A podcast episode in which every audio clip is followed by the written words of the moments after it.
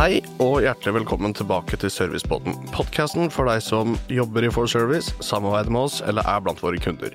Mitt navn er Marius Pedersen, men i dag så er det ikke jeg som skal lose dere gjennom denne episoden. Det er min kollega Kristine Evensen. Kan du presentere deg sjæl? Takk for det, Marius. Det kan jeg. Jeg heter Kristine Evensen og jobber med kommunikasjon i For Service. Tanken er at jeg og Marius skal bytte litt på programlederrollen, så derfor sitter jeg her i dag sammen med en velkjent gjest for de aller fleste.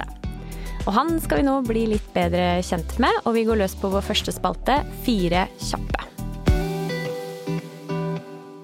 Navn? Tor Rønhovde. Stilling?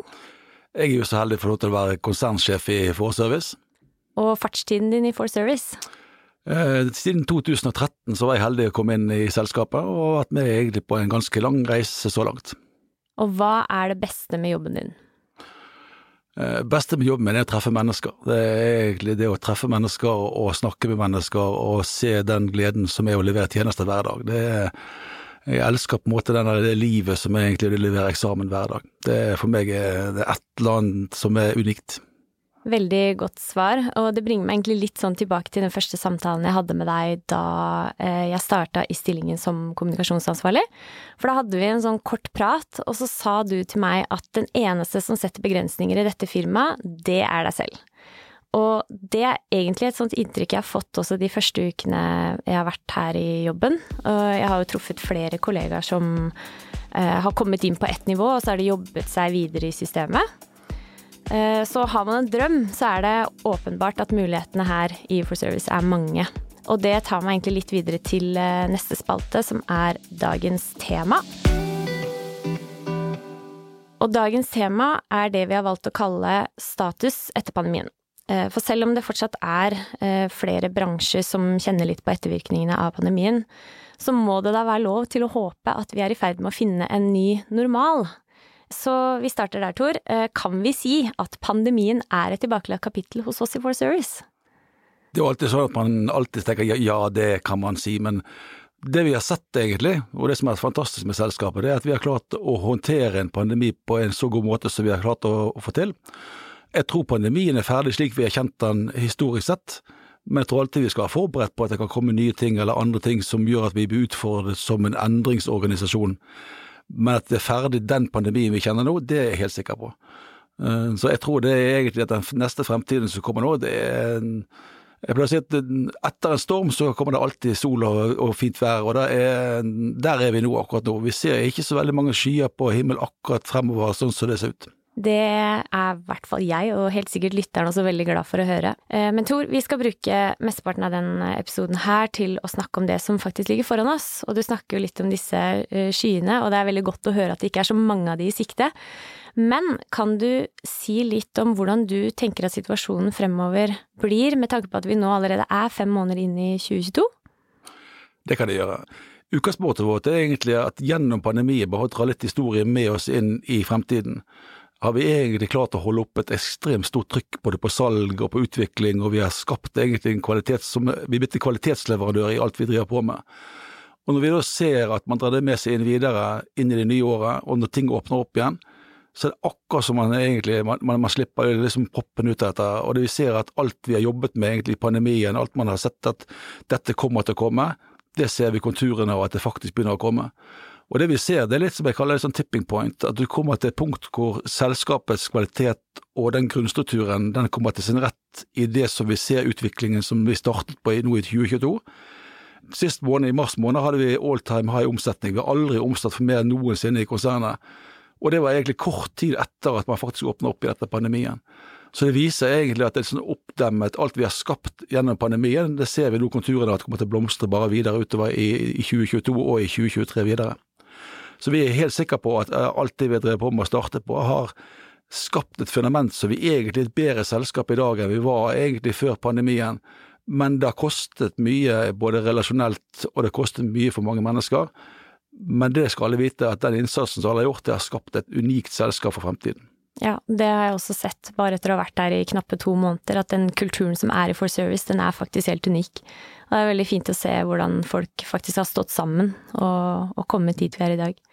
Så det blir veldig fint å se hvordan, eh, hvordan det blir fremover. Og jeg som er ganske ny, jeg syns det er ganske interessant å høre uh, om denne kulturen i For Service. Og tror du at det er noe som må oppleves, eller kan du prøve å sette noen ord på det som er spesielt i For Service? Jeg pleier å si at det må litt, litt oppleves, tror jeg egentlig. Er litt Av og til så klyper jeg meg i armen sjøl, faktisk. For du, du tenker, vi tenkte ikke på det når vi begynte å bygge selskapet, at, liksom at vi skal skape en slik kultur eller en sånn kultur. Men det vi har gjort, egentlig, og det er grunnstrukturen, er at man bryr seg om mennesker. Og det litt, tror jeg egentlig skinner gjennom i alt vi gjør når vi snakker om at vi utvikler mennesker, vi bytter ikke de ut. Mm. Vi ønsker å skape et mulighet for folk til å feile.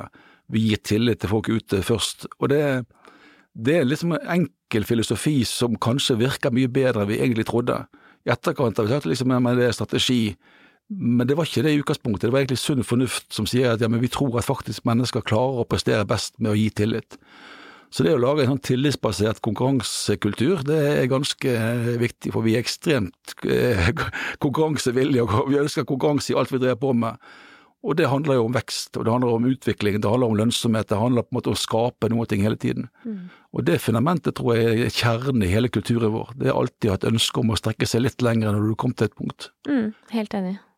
I fjorårets årsrapport så ble det jo snakket litt om en femårsvisjon, som blant annet involverer nye markeder.